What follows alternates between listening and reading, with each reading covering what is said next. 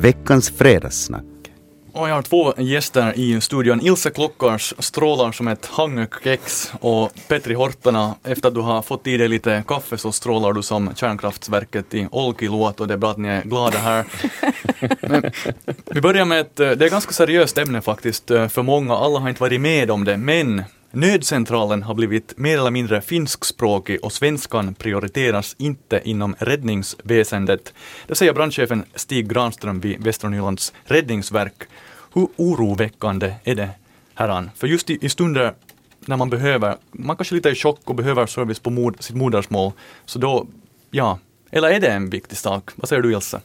No, alltså jag tycker ju som så här då att, att om någonsin, om man nu pratar om att det är ett tvåspråkigt land, så om man nu någonsin vill ha den här servicen på sitt modersmål så det är väl just då i sådana här nödsituationer. Jag menar. Annars klarar du det? Nå ja, men att liksom om du riktigt hårdrar det så det är ju då du vill liksom kunna bara, eller när du går till en läkare och ska uttrycka dina krämpor och sådana saker som liksom ligger dig nära. Sen blanketter hit och blanketter dit, nu är det ju om man får dem på sitt eget modersmål men det är ju liksom inte brott då. Du hinner, hinner få, få hjälp eller killauta kaverille eller, eller på det sättet. Alltså inte säger jag, jag tycker ju att mm. naturligtvis idealsituationen är ju den att man får det hela vägen men i första rum tycker jag ju nog att då, då när det är så här nöd, så det är ju då man vill kunna prata sitt eget. Ja, det där. Jag brukar ju själv kalla mig för språkinvalid, att jag har lärt mig finska och svenska liksom sen jag var skumsläckare och det där. Uh, brukar liksom så här i vardagen också tappa bort liksom ena språket och tänka via det andra och så där. Jag skulle just tänka mig att i någon så här krissituation så så skulle det kanske fara åt något där hållet och då skulle det vara bra om man skulle få hjälp på det språket. Mm. Sen just som du sa, så blanketter, så, eh, där brukar jag nog liksom inte bry mig vilket språk de kommer på för då har man tid att kolla. Men så det är just att det är ju bra om man får berätta på, på det språket man är bra på just då. Det som kommer naturligt ja, just ja, då. Ja. No, absolut. Att var, var ligger problemet? De börjar tejpa tån när huvudet lossnar. ja, vi lever ju i ett tvåspråkigt land med två officiella språk. Och det här är ju i teorin paragrafer i grundlagen, men hur är det i praktiken? Har ni, hurdan erfarenhet har ni av att uh, få prata svenska? No, jag måste säga att jag är lite, jag är i samma situation som dig. Att jag har liksom ända sedan jag var liten så har jag levt i en väldigt tvåspråkig miljö och pratat båda språken. Så jag kanske inte typexempel. Jag är lite dålig på faktiskt att, att prata svenska många gånger. Mm. Äh, att liksom, när jag ser att okay, det där kommer inte funka så tar jag finskan bara för att för mig är det liksom inte, inte en issue på det sättet. Mm lite engelska med där. Ja, issue, du vet, du märker, jag markerar här hur det bara går på alla möjliga olika språk. Nej men, nej, men och, och på det sättet så är jag kanske lite ett, ett dåligt exempel. Jo, jag är, jag är just också sån. Och det där, sen om, om jag ser att det finns bara finska flaggan på bröstet så då i sitt jag ens försöka kräva någon svenska. Att det, där, det känns bara jobbigt. No, jo, jag vet inte. Jag liksom tycker, jag ser det sen liksom själv på något vis sådär som att nu, nu börjar jag jäklas med den typen. Precis. Ja. Och, och, inte vet jag, alltså säkert skulle det ju kunna, man kan vända på steken också och tänka att okej, okay, att om jag skulle försöka så kanske den här människan liksom får en kick till att, att aj, vits vad det skulle bra om jag skulle kunna svenska, då hade jag kunnat betjäna den där personen på svenska. Så man kan ju se det från många, men att har man bråttom och bara vill köpa något, så orkar jag börja liksom hålla språkskola då med folk, utan då pratar jag finska. Ja, så ni tycker inte att eh, en finlandssvensk har plikt att inleda ett samtal eller en slags relation när man står i, i kassakön på svenska, utan man bäst att köra på finska direkt? No, alltså jag, jag, jag vet ju det, att man borde göra det. För att varje gång jag tar till finskan så då, varje gång så minskar det liksom eh, behovet, eller om de då får statistik på den här betjäningspunkten så inser de att nu har ingen frågat oss någonting på svenska på två veckor. Så vi kommer inte att behöva svenskan. Nu inser jag ju det också samtidigt. Så att, att plikt. Jag har nog smitit från min plikt lite grann. Ja, jag också. Jag tycker liksom smidighet i situationen för att mm. i, jag, jag menar jag trodde första gången jag åkte till Danmark att jag skulle förstå vad de säger och, och det där stod där sen i korvkön och skrapade mig i huvudet när jag fick någonting. Så det där smidighet tycker mm, jag. Mm, mm. Men att nu är jag också sån att nu kan jag liksom, alltså jag anser ju att det är viktigt och nu kan jag tycka liksom i, i situationer sen att jag, ibland kan jag nog hårdra det också. Liksom, och säga, på sätt och vis liksom, tycka att men nu ska ni nu kunna betjäna mig på svenska. Men, mm. men, men det där.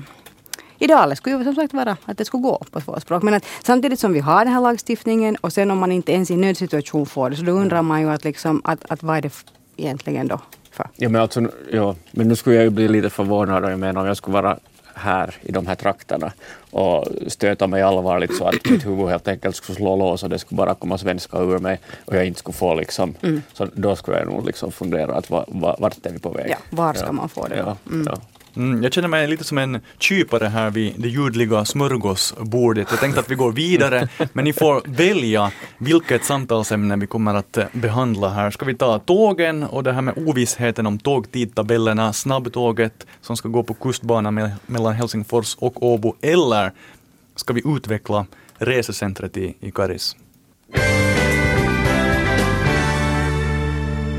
Veckans fredagssnack. I studion har vi Ilse Klockars och eh, Petri Hortona och igår kväll ordnades en träff på Sosis och det var inte Polkasvinens årsmöte utan staden Raseborg um, som diskuterade resecentret, järnvägsstationen, bron, lokstallet och sen på andra sidan bron um, Fokusfastigheten. Hur vill ni utveckla det här området? Nu får du börja. För jag det är liksom ska, ska jag börja ja. när det är mina knutar? Ja. Det där, äh, ja, alltså, jag tycker att man borde koppla ihop dem. Äh, det, redan före jag såg att någon hade föreslått att den där tunneln som finns mellan spår, spår 2 och spår 3 så skulle dras vidare ända till Fokushuset. Att man skulle gå, gå liksom, ha en kopplad väg och det där, kanske en, en ja, absolut en trappa upp på Bangatan. Och, det där, och ett parkeringshus definitivt eh, för det där, så som de där parkeringarna är nu där så är det ett, ett jävla stort kaos. Och det där, jag skulle inte kanske riva Fokushuset för att det har nog ett eh, så arkitektoniskt värde tycker jag. Att det, där, det är dyrt att renovera det men eh, jag tycker inte alltid att det är bästa alternativet att riva gammalt och bygga nytt. Man, man, man ska spara delvis också någonting som finns kvar för att det där. När man ser gamla bilder från, från Karis så det är ganska mycket det som har försvunnit och, och bytts ut mot fyrkantiga tegelbyggnader som är rätt så tråkiga. Man har kanske tyckt när man har byggt dem på, på 90-talet att de har varit trevliga men det är de nog inte.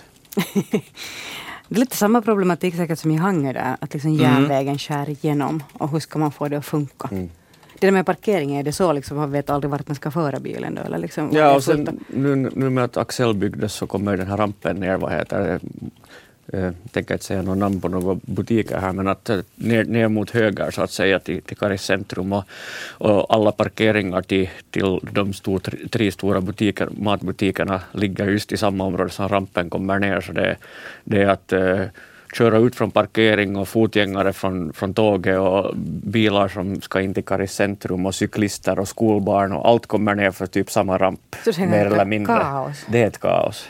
Ja. Okej, okay, det låter ju liksom verkligen inte bra. Mm. Så du skulle vilja alltså bygga ett parkeringshus Petri Hortana, var skulle det komma? Eh, no, underjordiskt? Alltså, skulle, skulle, jag ha, skulle jag ha uh, hur mycket pengar som helst Sitta. Så skulle du inte sitta här i studion nu? Ja, ja men visst, nu, nu ska vi visionera. Vad, vad ska vara liksom äh, jag, ska, jag ska bygga det ner under jorden. En, en, ett liksom det är järnvägsstationen kanske, va? Typ. På den sidan? Ja, eller helt enkelt under spåren någonstans, där mitt i så att det liksom far, mm. far åt båda hållen. Att det mm. liksom gynnar både järnvägsstation och det affärslivet. Ja, där. Ja. Så bygger man ju nu för tiden. Så bygger de ju Vasa också, en jättestor ja, de, parkering under torget. Ja, de parkeringshusen som ligger ovanför, de är ju så jävligt fula att Såna, så här.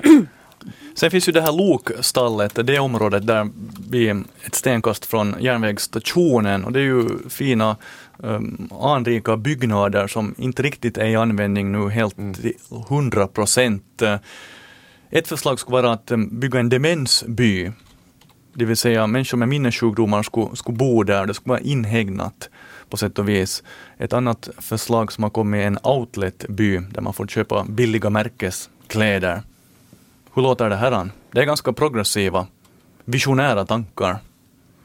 Ja, jag, vet, jag tycker det där huset ser ju helt jättefint ut. Mm, det är Så när fint man hus. ser det så det Ja, ser ju rött- fantastiskt tegel. att, att på något vis så känns det som att det skulle, om det nu är, man ändå utvecklar det här området kring, kring stationen här på alla sätt, så, så att ta med det i den planeringen. Och då skulle jag kanske inte stänga in det och göra, göra liksom någonting, utan öppna upp för att, Mm. för att nu är det ju sådana liksom vackra hus. Ja. De, de, de är ju otroligt fina och inspirerande och på något vis tycker jag ska kunna öppnas upp och ut- utnyttjas och användas. Och, och jag läste faktiskt någonstans just den här tanken om att om man skulle göra en outletby där så kunde få draghjälp av det här fiskar som ändå drar Mm. mycket. Och, och så mycket som jag nu har rest runt i världen så sådana här outletbyar är nu superpopulära. Människor vill shoppa billigt, inte kommer man ifrån det. Och det kan man ju sen tycka vad man vill om att, att, att konsumera och shoppa massor. Men att, att nu, nu, man kunde ju samtidigt också ha närproducerat där och liksom lokalproducerade varor och lite outlet och sånt. Och, och få igång folk på ett naturligt ställe. För det där är ju liksom i an, anslutning till centrum.